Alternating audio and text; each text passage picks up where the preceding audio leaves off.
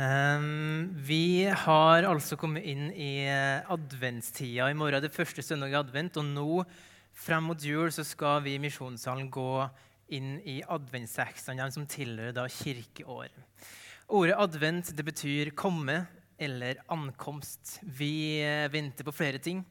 Vi venter bl.a. på julefeiring, at vi skal få lov til å feire at uh, Guds sønn, eller at Gud ble menneske, at Gud kom til jord at Gud kom og viste oss hvem han er.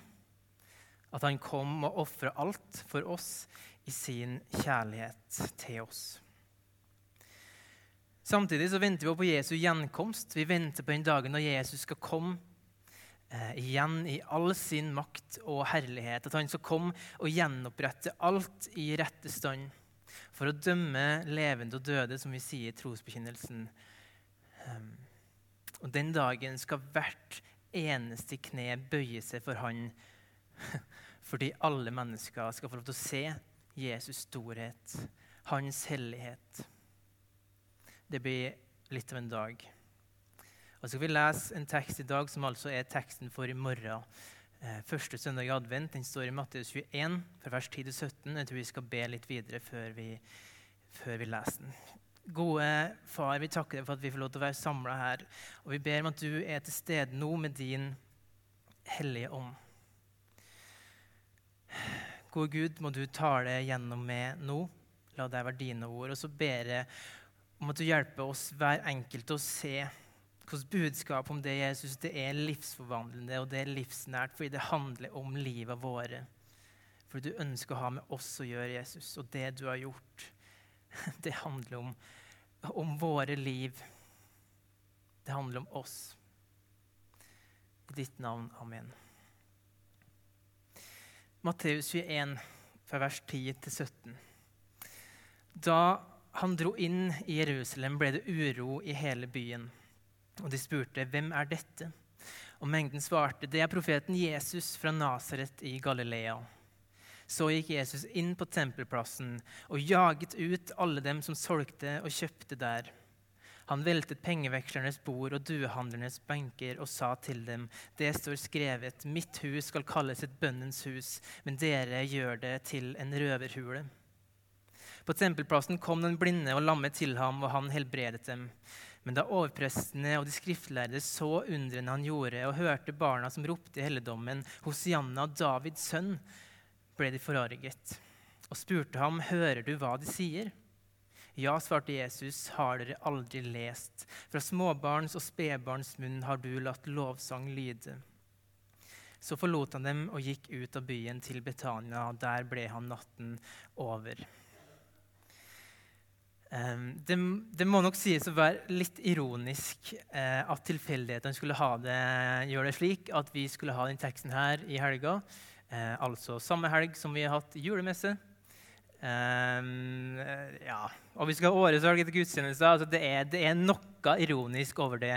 Eh, jeg tror ikke jeg trenger å si så mye mer om det, men det er lættis. Det er jo det. Um, og så tror jeg på ene sida så kan vi nok si det med ganske stor trygghet at eh, jo, misjonssalen det er et bønnens først og fremst. Jeg tror tross alt at vi ligner mer på et bønnens hus enn en røverhule. Og det sjøl om vi feirer julemesse, fordi det er et edelt formål med de her julemessene. Vi samler inn penger til misjon. Det blir ikke bedre enn det i Misjonssambandet. Um, samtidig så legger teksten definitivt opp til at vi skal tenke gjennom hvordan ting ser ut her i kirka vår. Hvordan ting funker. Hva hadde Jesus sagt og gjort hvis han kom hit? Ja, Er det først og fremst et bønnens hus, hvor mennesker får et møte med Jesus og får lov til å leve hos han og tilbe han? Eller kan det være ting som kommer i veien for det her? Det tror jeg er en ting som vi må tenke gjennom. Er det ting her som skjer på et eller annet nivå som hindrer mennesker å møte Jesus? Som hindrer mennesker å kjenne fellesskap med Jesus? Som hindrer mennesker å kjenne fellesskap med andre kristne, og på den måten går, går glipp av Jesus. F.eks. kan fellesskapet vårt være en sånn ting. Ett av flere eksempel. Og da tenker jeg på, Er vi et fellesskap av mennesker eh, som, som, inkluderer mennesker som gir mennesker muligheten til å komme hit, kjenne seg hjem her og på den måten få lov til å se Jesus? Eller kan det være at fellesskapet vårt på en eller annen måte hindrer mennesker i å møte Jesus? Våre relasjoner preges våre relasjoner når folk kommer hit til kirka, preges det at vi, vi tar imot mennesker slik de er, med alt de har av gode og dårlige sider av ting, slik Jesus gjør?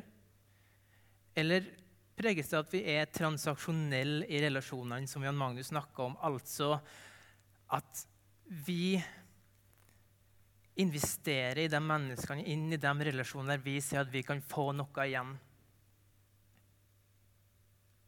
Da er vi ikke et fellesskap som inkluderer alle, som ønsker alle velkommen. Og det det, det det, til syvende og sist fører til, er at vi hindrer mennesker å få lov til å være her og få lov til å se hvem Jesus er. Det kan være en ting å tenke på.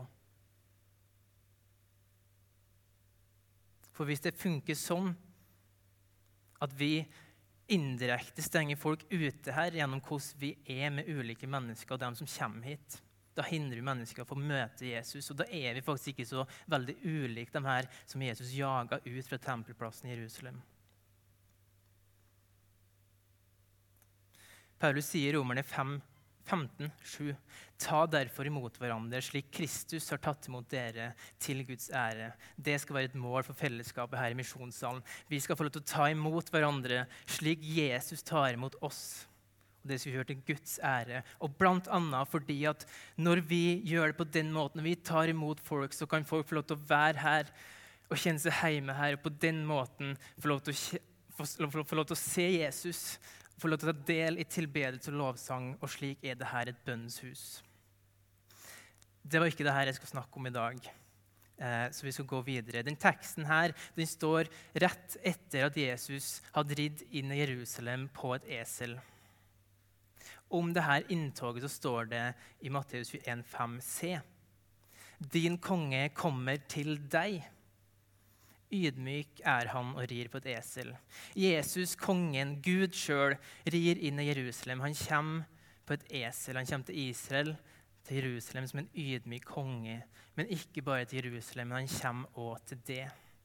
Se, din konge kommer til deg.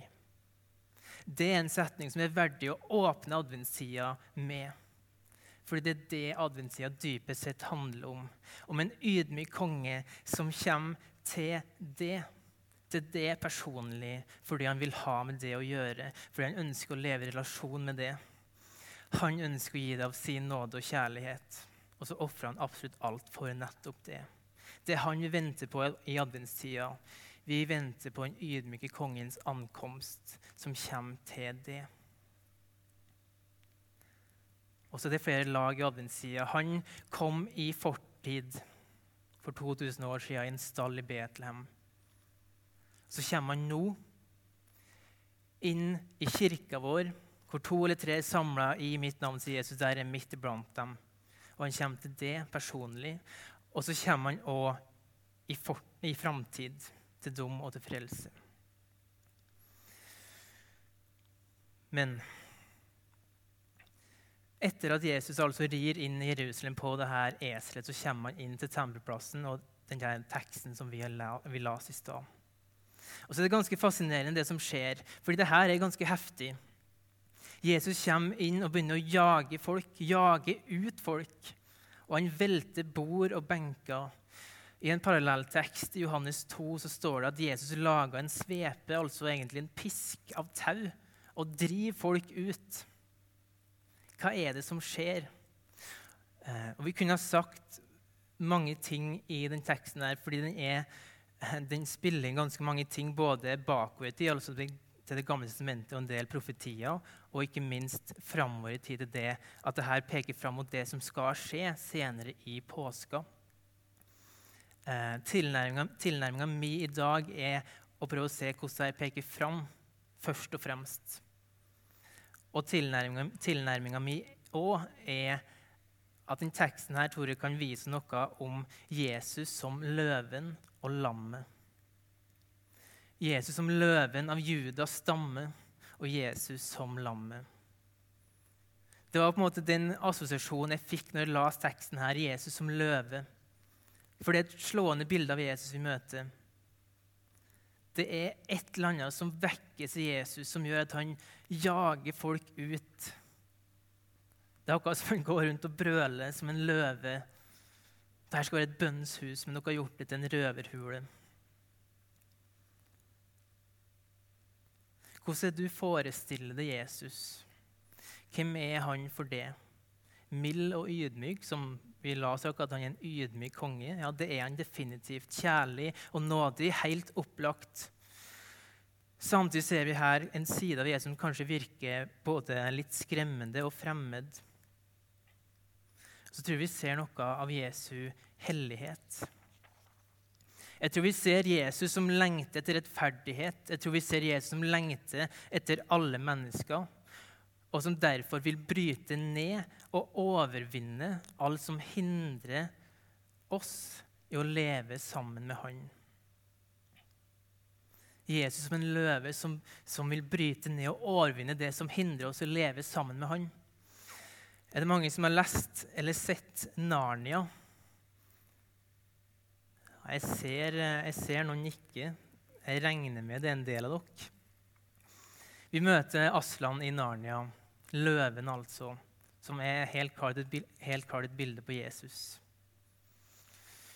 I boka så spør Lucy om Aslan er han tam. Svaret fra beveren, tror jeg det, er nei, nei. Tam, nei. Ingen har sagt noe om at han er tam.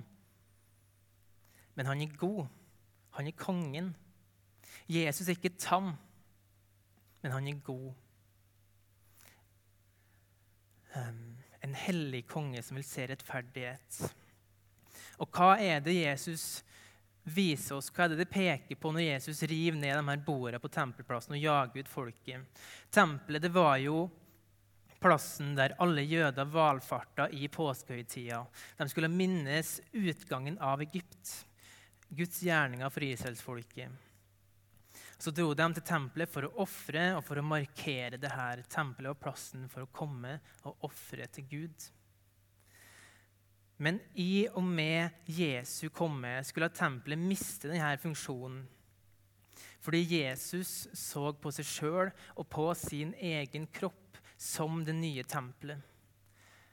Og så er det viktig dette var ikke bare for jøder men for alle, for det og for meg. I Jesaja 56 så profeteres det at tempelet det skal være et bønnens hus for alle folkeslag. I parallellteksten i Johannes 2 står det fra vers 18. Da tok jødene til orde og spurte ham, kan du vise oss et tegn på at du har rett til å gjøre dette, altså å gå rundt og herje i tempelet? Jesus svarte dem, 'Riv ned dette tempelet, og jeg skal reise det opp igjen på tre dager.' I 46 år har de bygd på dette tempelet, og du vil reise det opp igjen på tre, tre dager, sa de. Men det tempelet han talte om, var hans egen kropp. Da han var stått opp fra de døde, husket disiplene hans at han hadde sagt dette, og de trodde Skriften og det ordet Jesus hadde sagt. Det vil si at Jesu raseri og velting av bord det peker fram på Jesu offer av seg sjøl noen dager seinere. Hvorfor kunne han velte borda til dem som drev og solgte slik at mennesker kunne komme og ofre? Jo, fordi Jesus hadde erstatninga klar, nemlig seg sjøl, sin egen kropp, som skulle være det nye tempelet, sin egen kropp som skulle bæres fram som det fullkomne offeret. Det er en veldig dårlig idé å kaste eller ødelegge noe hvis du ikke har en plan for hvordan du skal erstatte det. Du kvitter deg ikke med mobilen din før du vet du har råd til ny, eller kanskje aller helst før du sitter med den eh, i hånda.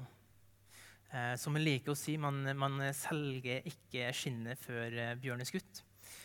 Um, ja, det er et bra ordtak, det. Eh, men greia er Jesus han hadde erstatninga klar. Seg sjøl. Derfor kunne han gå inn i tempelet og gjøre det her. Og den erstatninga skulle gå langt utapå. Den skulle overgå på alle måter det han erstatta.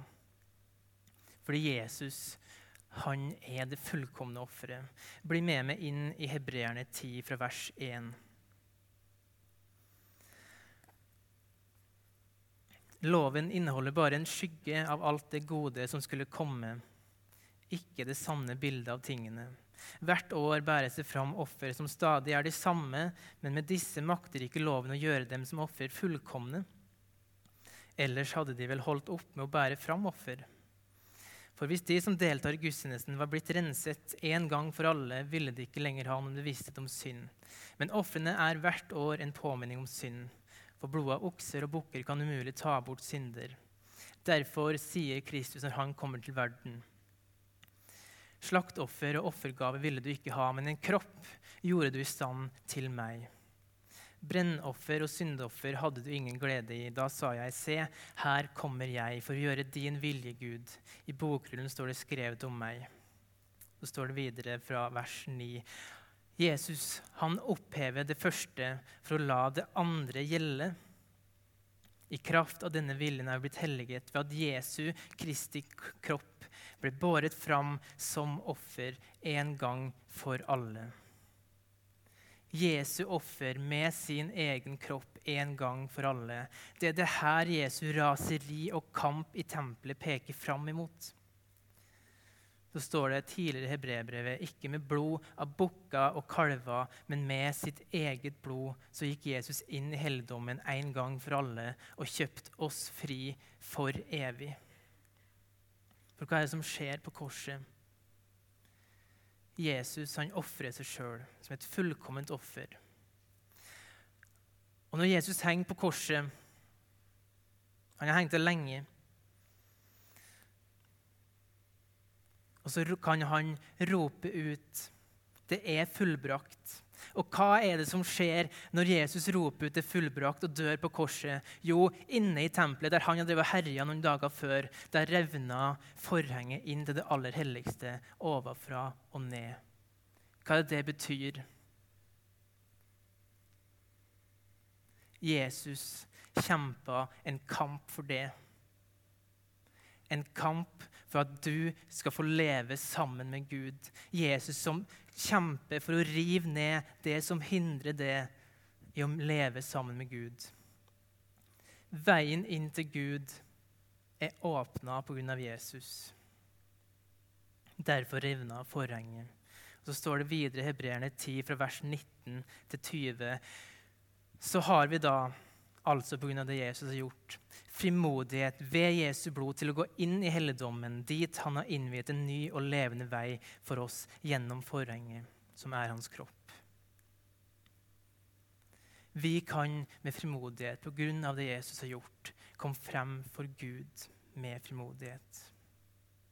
Så teksten vår om Jesus som velter bord i tempelet, det er en tekst hvor Jesus kjemper din sak for din rett til å leve hos Gud, for din rett til å be til Gud, for din rett til å komme i kirka, for din rett til å lovsynge Han, for din rett til å tilhøre Han.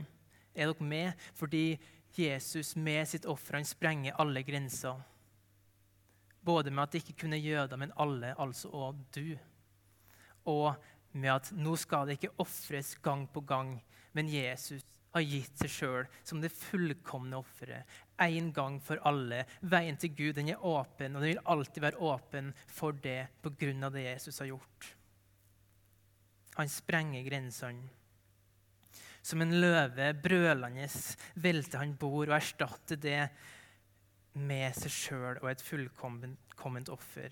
Det er ikke behov for noen pengevekslere og dueselgere lenger. Det er ikke behov for noe mer offer. Offeret til Jesus er fullkomment. Og så er de borda som Jesus velta i tempelet, de er erstatta med et annet bord. Nattverdsbordet som vi skal samles om etterpå. Der Jesus gir seg sjøl konkret til oss. Så jeg vil si at i vår tekst så ser vi Jesus som kjemper din sak. Og så skal du også vite at Jesus han er en som kjemper din sak også i dag. I de kampene du står i. Den kampen vi har snakka om nå, om å åpne veien inn til Gud, det er den viktigste kampen. Men Jesus han går sammen med det hver dag som en løve. som løven av Juda og kjemper dine kamper. Han er ikke tam, på ingen måte, men han er god. Og det er mektig, og det er trygt. Samtidig er altså Jesus løven som blei lik et lam. Han var lik et lam som tier mens det føres bort for å slaktes. Det var på denne måten han med rette kunne ha velt borda i tempelet. Ved å overgi seg i fiendene sine hender, ved å, strekke, ved å la seg slakte som et lam. Det var slik han med rette erstatta tempelet og alt som hørte til der. Og ved at Jesus ofret seg sjøl som et lam, så fikser han hele menneskehetens problem. Han løser ditt problem. At alle mennesker, inkludert deg sjøl, er fanga i synd, er fanga i ondskap. Du i deg sjøl er ikke verdig til å tre fram for Gud. Du i deg sjøl er ikke verdig å leve hos Gud. Du i deg sjøl er ikke verdig. Det er et problem. Men lammet som ble slakta, det er verdig. Lammet som ble slakta, det åpner veien inn til Gud for det. Lammet som ble slakta, det seira for det. For å kjøpe det fri. At du kan leve i frihet. At du kan komme fram for Gud med frimodighet.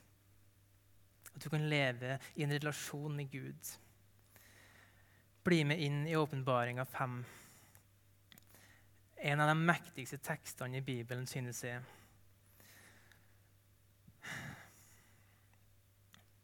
Og jeg så at eh, altså Bare for å ta dere inn i det her Det er Johannes som får glimt inn i himmelen. Et glimt inn i himmelen, og så ser han det her. Og jeg så at han som satt på tronen, hadde en bokrull i sin høyre hånd. Det var skrevet både inn, inni og utenpå den, og den var skjeglet med sju seil. Da så jeg en mektig engel som ropte med høy røst.: Hvem er verdig til å åpne boken og bryte seilene? Men verken i himmelen eller på jorden eller under jorden var det noen som kunne åpne boken eller se i den. Da gråt jeg sårt fordi ingen var funnet verdig til å åpne boken eller se den. Det er altså krisestemning, egentlig. Um, det er ingen som er verdig til å åpne boka. Hva er det som skal skje nå? Johannes gråt sårt. Ingen var verdig. Og så står det men en av de eldste sa til meg, gråt ikke, for løven av Judas stamme, Davids rotskudd, har seiret og kan åpne boken og de sju seilene. Og jeg så et lam som sto midt på tronen mellom de fire skapningene og i kretsen av de eldste, og det så ut som om lammet var slaktet. Det hadde sju horn og sju øyne, og øynene er Guds sju ånder som er sendt utover hele jorden. Lammet kom og tok imot bokrullen fra den høyre hånden til ham som satt på tronen.